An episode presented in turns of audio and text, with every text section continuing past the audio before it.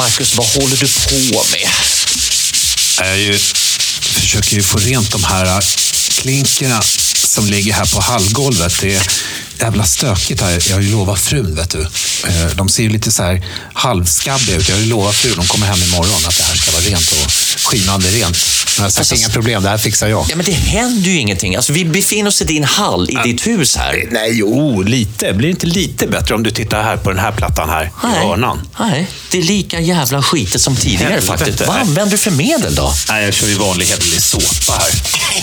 Jag tänkte att jag, jag ska hälla på, om man tar ren såpa då, vad tror du om det? Och, och kör liksom... Nej, men du, lägg ner det där nu. Du, det här med att hålla på och rengöra kakel och klinker och det är ett ständigt aktuellt ämne. Det är jättesvårt. Alltså, det, det går inte att få det rent med såpa. Du, hörru, har du blivit någon eh, expert på det här med rengöring? Eller? Ja, det är i det, i, i det närmaste faktiskt. Jag, har- jag har ju samma problem hemma hos mig. Okej, hur- men hur gör man då? Nej, men jag har legat gnott så inåt helskotta själv hemma på mina... Alltså mitt badrum är ju bara typ tre år gammalt, men de har ju blivit asskitiga. Så att jag har liksom förekommit det lite grann. Jag har redan varit ute och träffat en kille som är expert på det här med rengöring. Okej, men kunde du inte sagt det på en gång då? Jo, men det är skönt att se det jobba lite grann. Och jag kommer att tänka på, vad har jag gjort för fel? Och den insikten har ju du kommit fram till också nu, jag förstår, eller hur?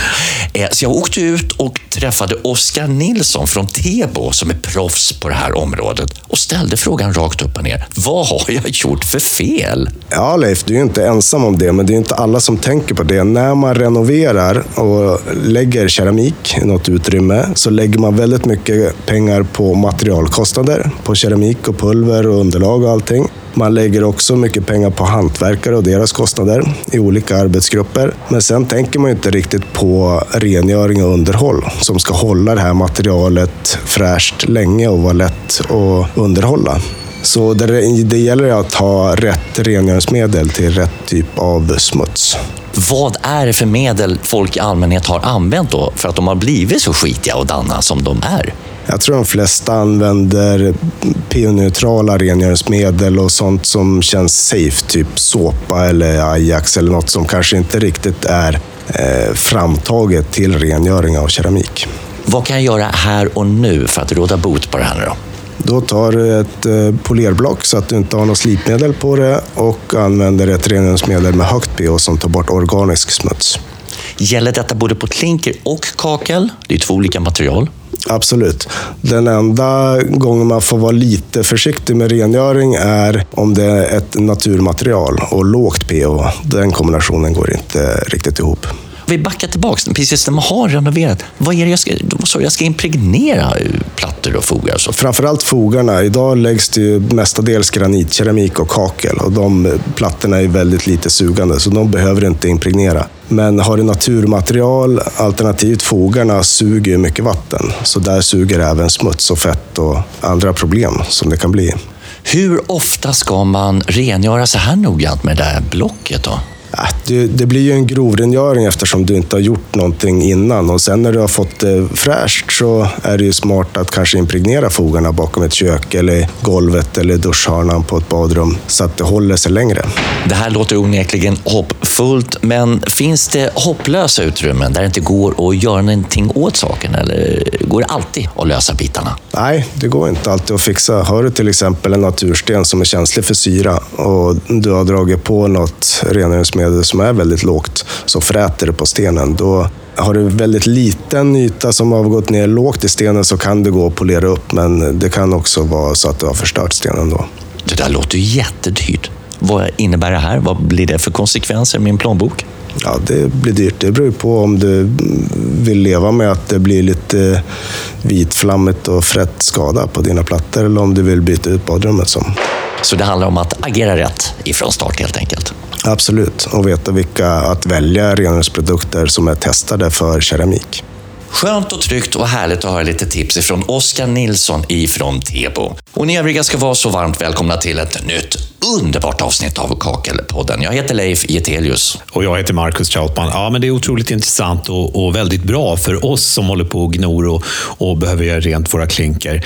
Men jag tänker också att du som lyssnar, jag hoppas att det här gav dig någonting. Det kan ju vara så att dina nära och kära, eller kanske kunderna, ställer frågor kring hur man håller klinker och kakel rent. För egen del var det otroligt skönt att se dig stå på alla fyra, knallröda ansiktet. Svetten sprutade och du gnodde i tron att det skulle bli rent. Det njöt jag av. Men vi lämnar det där lite därhän. Vad är det som händer i övrigt avsnittet då? Eh, Veckans kompis eh, återkommer. Den här gången är det en kvinna som berättar om en eh, anekdot, en händelse som en kompis till henne har råkat ut för. Riktigt kul. Och så, så får vi höra Byggkeramikrådets VD Ralf Gerard kommer berätta lite om året som har gått och vad BKR har gjort för någonting. Och det som också är kul är att det är ju ständig aktivitet i våran mailbox. Mycket härliga rader ifrån er där ute runt om i riket som inkommer oss hela tiden. Det är något mail som du har fastnat för va? Mm, kan bara nämna adressen. info bkr.se kan du också gärna skriva in några rader om det är någonting särskilt du vill höra. Eh, det är Hasse som skriver “Tja, bra att ni klargjorde vad KAF och PER betyder. Det här lyfte vi ju i förra avsnittet. Har ju hört begreppen men hade inte riktigt kläm på dem. Eh, en annan grej som vore intressant att få höra i podden vore hur en arkitekt tänker eftersom man som plattis alltid är lite spänd på vad man får i handen efter att arkitekterna har gjort sitt. Liksom. Ja, men det här mejlet är fastnar vi rejält för, så är det. Vi har tagit fasta på samtliga ord som Hasse skickade in till oss. Och vi har följaktligen också kontaktat massa arkitekter och ställt ett antal frågor till dem. Varav den första lyder, vad är det du som arkitekt tilltalas av med kakel och klinker? Vi har först Anette Eriksson, inredningsdesigner på Dina Rum, Stockholm. Om man ska vara lite tråkig så är det ju att det är väldigt, väldigt praktiskt. Eh, och eh, jag tycker att det är väldigt snyggt. Det finns väldigt mycket att välja på. Eh, och jag känner ju också att mina kunder efterfrågar det väldigt mycket. Alltså det är ett jättehärligt material. Just att det är så beständigt och lättskött. Eh, alltså, ja, det, alltså jag tycker att det är fantastiskt på många sätt. Och det finns en stor variation också. Och det svåra är ju att man fångas av trenderna och ändå och landa i det här som man vill ha, eh, ska räcka länge och, och så vidare. Också ur hållbarhetssynpunkt. Så det gäller att välja snabba inredningar, kan man göra lite roligare och sånt som man vet ska, ska vara längre. Då, då brukar jag gå ner mera dämpat. Men det finns ju till alla olika typer, det är det som är så fantastiskt. Det är en eh, massa saker, men uh, framförallt så tycker jag det är ett väldigt eh, härligt material och det finns någon sorts alldeles egen äkthet i, i det. Både texturen, ly- lysten och, och själva liksom så här produkten, Så att, eh, ja, yta och innehåll kan man säga.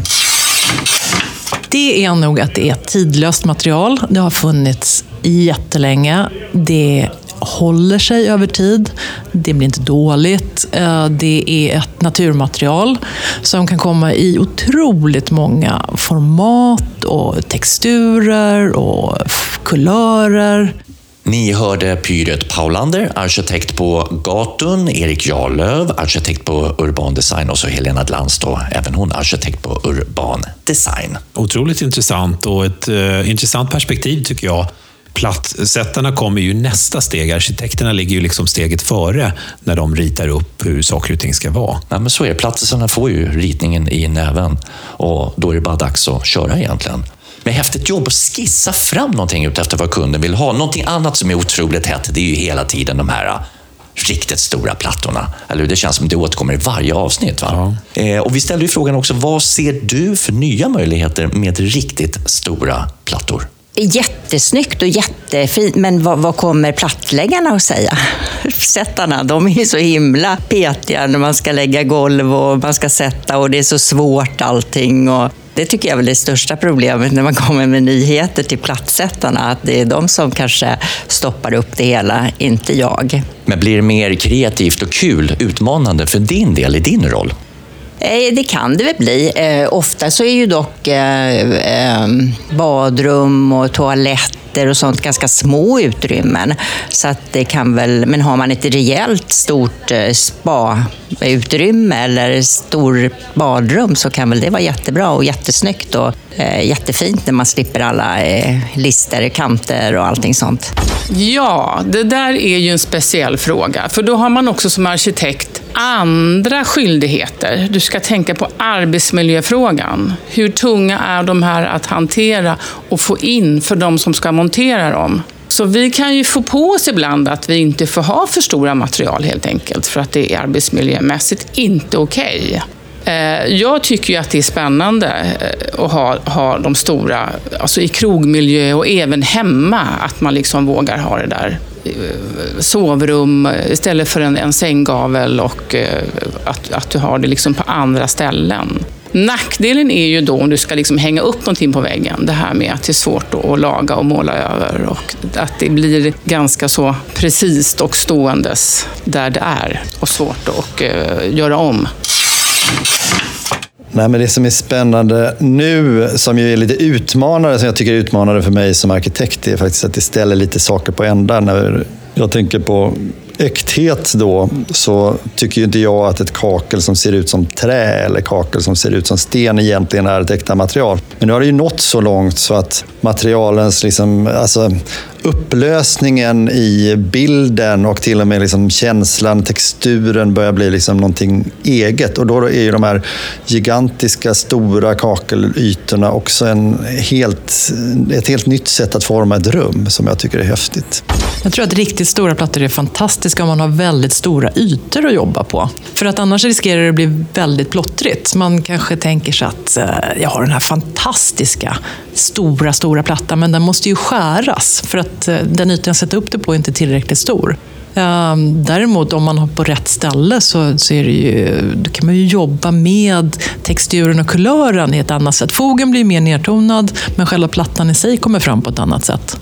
Vi kommer få en eh, en eh, stor anledning till att återkomma angående de stora plattorna. Visst är det ju så? Ja, ja absolut. Ja. Det är ju högaktuellt. Du låg och gnodde i din hall här. Ja. Ehm, jag var inne och kollade ditt badrum. Ja. Du har ju de här synnerligen återkommande eh, vedertagna vita eh, fyrkantiga sådana 15 x 15 plattor, kakel. Ja, ja, ja. ja men det har vi ju. Det ingick ju liksom i huset. Jag vet inte om du har sett, det är ju också en liten sån här rand med lite mosaik i. Mm.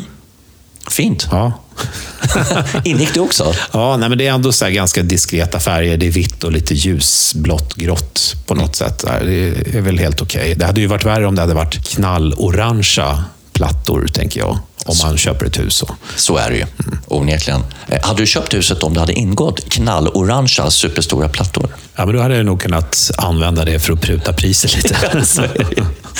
Men vi ställde ju frågan, nummer tre, till de här äh, personerna. Varför tror du att de flesta badrummen fortfarande har vita fyrkantiga kakelplattor på väggarna? Eh, jag tror att folk är lite eh, ängsliga och rädda. Jag tycker dock att när jag jobbar med mina kunder att eh, de är väldigt öppna för andra förslag och jag tycker att jag har använt alla möjliga färger och former och, och design så att jag känner inte riktigt igen det bland mina kunder. Ja, priset är naturligtvis en avgörande faktor i det. Jag tror inte bara det är liksom priset i själva produkten, utan det är ju jävligt lätt att ta... Ursäkta, det är ju väldigt lätt att ta ett val att göra vitt fyrkantigt kakel. Sen kan man ju säga att vitt fyrkantigt kakel kan vara jätte, jättebra om man gör det liksom konsekvent. Och, men man behöver ju twista till även det ibland. Jag tror att det kan ha att göra med priset. Eller att man inte heller vågar. För det är ju tillbaks igen snarare med, med 15-15 vita. Och det har ju varit iväg ett tag. Men, men eh, jag tror att man inte vågar alltid.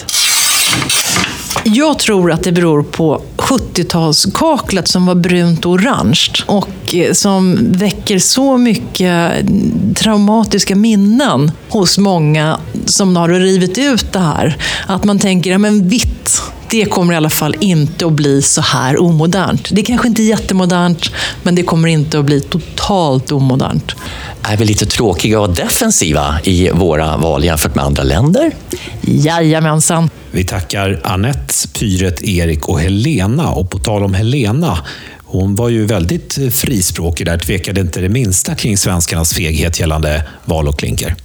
Och det där, hennes svar där tycker jag var så, det var så spjutigt rakt på. Så att jag måste göra någonting av det hela. Och när jag träffar de här så stöter jag även på en riktigt skön italienare. eh, heter Andrea Borelli som är ansvarig för den skandinaviska marknaden på ABK Group. Och jag ställde frågan till honom med anledning av Helenas svar. Vad är det som skiljer den svenska marknaden ifrån våra skandinaviska grannar? Uh, there are not so many differences if you want, if you compare with the Norwegian market, but you, we can find uh, several differences with the Danish market because in Denmark they are more habit uh, to use some different sizes. Here we are still working with, here in Sweden we are still working with 15 by 15, 30 by 60, 60 by 60, and uh, we start uh, always more with the size 60 by 120 or the slab. In Denmark they are quite, uh, they are a little bit more habit, and so to use the, the, the big size, and so this is the main difference from the market. Of course, also the taste of the tire. Are we a bit boring in Sweden? Are we a bit defensive compared to our neighbor countries? No, uh, uh, I can't tell you that you are boring because it's not true. Uh, but all the architects uh, are quite uh, interesting uh, always in something new. in the past, maybe. Ja, skön italienare det där. Kanske lite livlig bakgrundsmiljö. Det var bra drag där kan jag säga. Vi fick gömma oss under ett bord i princip med mikrofonen för att jag skulle kunna höra vad han sa för någonting faktiskt.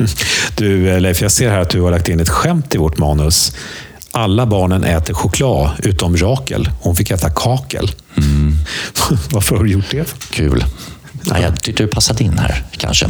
Eller inte. Men det är lite så här att när vi håller på med det, tycker helt enkelt kakel och klinker hela dagarna. Det är i princip inget annat som far runt i min skalle. Känner du också det? Annars brukar man ju säga att man tänker på sex ett visst antal gånger om dagen. Ja. Du tänker på kakel, eller? Ja, det är så illa faktiskt. Eller bra, vad vet jag. Kakel är ju lika kul som sex, faktiskt. Du, i veckan här så har jag för första gången själv arbetat med klinker. Alltså med händerna rejält. Och nu menar jag inte skrubba. Jag har nämligen lagt klinker i ett badrum. Vad roligt! Har du skaffat behörighet? Nej. Och börja jobba som plattsättare? Nej, det har jag inte. Det här kanske är första steget. Ja, ja. Instegsraketen liksom för att bli plattis. Ja, vad roligt! Och vem drabbade det? är min dotters dockhus. Okej. Okay. Nej, men lägg av nu. Nej, men det blev jättefint. Jag fick eh, beröm från hela familjen, kom ner och tittade. Och det, var, nej, det var glada miner och ryggdunk och kramar från barnen. Vad la du? la två gånger två centimeters äh, klinker? Ja, men det var så gamla mosaikbitar äh, som jag la. Så fick jag liksom skära av vissa för att det skulle passa i badrummet. Då. Okay. Det blev riktigt snyggt, måste men, jag säga. Äh, löste du falspacklingen bra också? Sådär? Nej, men det, det, är ju inte så mycket vatten i det där dockhuset. Nej, du slapp på tätskikta och grejer. Vad skönt alltså. Men bra jobbat, det är ju en, första steget till en ny karriär. Ja, ja verkligen. Du, det har ju hänt mycket under 2019. Och jag träffade Ralf Girard som är VD för Byggkeramikrådet BKR och frågade honom vad är det som har hänt under året? Ja, det har ju hänt en hel del eh, saker. Förutom att vi har utbildat en väldigt massa människor och platssättare och det kan vara besiktningsmän och försäkringskillar så tror jag att den största utvecklingen vi har gjort i år det är att framförallt digitaliserat oss. Och det har vi gjort för att underlätta för dig som lyssnar. Bland annat så har vi startat igång den här Kakelpodden men vi har också ökat vår närvaro med Facebook. Det är också ytterligare en kanal där ni kan gå in och följa oss och få mer information. Så att man alltid är uppdaterad på det senaste men, men också ett lättare sätt att nå oss och kontakta oss om man har frågor eller så. Och Sen eh, kan jag tänka mig att det här är ju bra att se till att följa er på Facebook för att sen nästa år ta del av vad som händer. Vad händer nästa år, Ralf? Nästa år, ja då händer en hel del saker. Vi fortsätter såklart med vår digitala satsning, men vi kommer att lansera en app. Den har vi framförallt tagit fram för att underlätta till exempel vid kvalitetsdokumentskrivande, men också för att få tag i information. Vi, vi samlar, det är lite enklare sätt, vi samlar ihop lite information där. Branschregler kan det vara, eh, riktlinjer eh, och sånt. Vi kommer också att eh, lansera ett par nya utbildningar, eh, inte bara i fysisk form utan även digital form. Det vill säga vi har ett par webbutbildningar som vi planerar att starta igång. Spännande. Kan du avslöja någonting om de här utbildningarna, vad de kommer innehålla? Nej, Nej, jag kan inte riktigt göra det. Men jag kan, jag kan säga så mycket att de är gjorda för att underlätta för, för dig, för er som lyssnar på det här. Eh, och ni kommer och, och eh, såklart eh, bli klokare efter att ni har gått en sån här utbildning. Men det handlar ju om kakel och klinker och vårt material. Det låter ju onekligen spännande med de där utbildningarna. Det, det vill man ju gärna veta mer om. Tack så mycket, Ralf. Tack själv och god jul och gott nytt kakelår. Fortsätt att följa BKR på Facebook och lyssna på Kakelpodden för att hålla dig uppdaterad om vad som händer i branschen helt enkelt. Och äntligen är det dags för Sveriges i särklass mest populära programpunkt. Det är roligt tycker jag. Men innan det eh, kör igång så jag vill bara kolla, har du gjort någon tabbe själv någon gång, Marcus, som du kan bjuda lite på här, eller? Ja, alltså det har jag ju nog gjort. Alltså, jag har ju inte riktigt haft något hantverkaryrke. Då. Jag har ju varit brevbärare i många år och det har ju säkert en och annan tabbe. Men jag tänker faktiskt på en, en grej som jag gjorde där jag gjorde bort mig fullständigt. Jag bytte däck på min cykel nere i källargången. Och då är det såna här lampor. Du trycker på dem och så är de tända i 30 sekunder och så slocknar de igen. Mm. Och då tänkte jag så här, om jag skruvar isär den där lampknappen och så lägger jag liksom den här metallen emot hela tiden, tejpar fast den där, tar bort den här fjädern. Mm så kommer det lysa hela tiden och då kan jag fixa den här punkteringen. Smart. Så jag skruvade ju loss det där och tyckte att jag var jävligt smart att jag tänkte liksom ett steg längre. Men problemet var att precis när jag hade skruvat loss de här skruvarna och tagit bort kåpan så står jag med skruvarna, en i varje hand, och då slocknar det. Och då mm. tänker jag bara så här, jag måste tända. Så jag tar de här skruvarna och trycker till och får en riktig jävla elkyss. det är inte så att jag flyger flera meter, men ja, bakåt en halv meter kanske i varje fall. Jag var ju helt skakig i händerna. Och källardörren är öppen. Och det, det som är mest pinsamt i den här historien det är att jag gick på badminton och då var det en kille i badmintongänget. Hans pappa var elektriker och då sa han till mig så här, men om du någon gång får en stöt, då ska du ta en glödlampa och så ska du hålla fingrarna runt den liksom innan glaset och sen under, precis som en mm. lampa tänds, mm. då kommer strömmen från din kropp gå ut i lampan. Så antingen så brinner den ett tag eller så kommer den blixtra. Smart! Ja, så jag in i källarförrådet letade fram en jävla lampjävel då, och började hålla sådär. Och höll. Jag fick ju panik för att den blinkade ju inte Nej. innan jag fattade att grabben hade lurat mig. Ah. Mindre smart. Ja. Men lite kul anekdot. Precis som det är med programpunkten Veckans kompis. Vi ska höra någonting riktigt roligt tycker jag. Vi har Julia Schaffer Flemk på Julias platssättning. Jag har en gammal kompis eh, som var platssättare för han har gått i pension nu. Gamla Roffe. Det här hände väl, det är säkert 20 år sedan. Eh, för det hände några år innan jag började som platssättare och nu, ja, jag har hållit på i 17 år. Men i alla fall, Roffe skulle flytspackla en toalett, ett WC-utrymme. Och han sätter igång och blandar flytspackel, häller på, men upptäcker att han har en säck för lite. Och som ni vet, eh, plattisar där ute, det är ju alla plattsättares mardröm att ligga en säck kort. Eh, Roff hade inte tid att åka och eh, köpa en ny, speciellt inte under tiden som flytspacklet eh, brann. Så Roffe funderade över kreativa lösningar, började springa runt hemma hos kunden, började rota i hyllor och i skåp. Och som tur var var inte kunden hemma. Men i alla fall, Roffe hittar Gula sidorna och ja, ni förstår, det här är ju 20 år sedan. Det var ju där som man hittade sina telefonnummer förr i tiden innan www var uppfunnet. Eh, I alla fall, Roffe hittar Gula sidorna, sliter den i två delar så att han får ungefär två klumpar som är tre centimeter tjocka trycker ner de här, de gula sidorna, katalogen, i flytspacklet. Och för att de inte ska flyta upp så ställer han ett vattenpass på. Och så japp, då, då, var det här problemet löst. Ehm, så Roffe åker hem, glad i hågen. Kommer väl tillbaka dagen efter eh, och lägger plattorna, fogar. Frid och fröjd, inga konstigheter. Dagen efter det kommer rörmokaren in, ska borra hål för skruvarna till toastolen. Eh, det var ju innan man limmade toastolarna. I med slagborrmaskinen, borrar hålen. Upp ur borrhålen. så kommer så slickar sig de här gula sidorna ut med spåren på borren. I alla fyra hålen. Ja, så kommer gula sidorna upp. Eh, rörmokaren kliar väl sig i huvudet och undrar vad fan, vad, vad har hänt här? Ja, men kreativt ändå. Frågan är vad bärigheten är i gula sidorna, men det förtäljer inte historien. Tack för det, Julia Schaffer Flemk. Ja, hon har en viss koppling till Janne Schaffer faktiskt, gitarristen. Mm. Ja, han bor ju i mina hoods, Ja. Janne Schaffer. Gör han det? Vad kul! Ja, ja, visst. Då får du hälsa Janne att jag har hälsat på Julia. Ja, jag har till och med lärt barnen att i det där huset bor en av Sveriges bästa gitarrister. Det kanske var honom som Julia pratade om. Fast de menar någon annan. Man vet ju aldrig. Nej, nej. Nej, det är det som är så härligt med den programpunkten tycker jag. Eh, är det som så att du vill mejla om någonting? Det kan vara så att du kanske har en veckans kompis på gång eller något eh, ämne eller någon fråga som du vill att vi ska ta upp här i Kakelpodden. Mejla på info.bkr.se. info.bkr.se. Och sen är det viktigt med rättvisa på vårt jordklot. Klokt. Om du nu får den stora ynnesten att lyssna till en sån fantastisk podd som Kakelpodden, varför inte låta andra få uppleva det underbara att spetsa öronen till oss och alla sköna människor som är med i den här podden? Så spread the word! Låt alla andra få reda på vad vi är för några och vad man kan höra oss på. Och det är ju lämpligtvis i första hand på Spotify såklart. Ja, eller på någon av de andra apparna där man lyssnar på poddar helt enkelt. Nästa avsnitt, då kommer vi åka ut i verkligheten, Leif.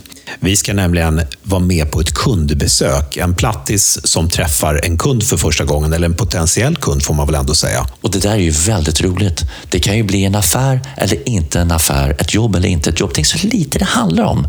Hela den här mentaliteten kring ett möte två människor emellan. Det blir skithärligt tror jag. Ja, och det är, det, det är just det vi ska djupdyka i, just det här kundbemötandet.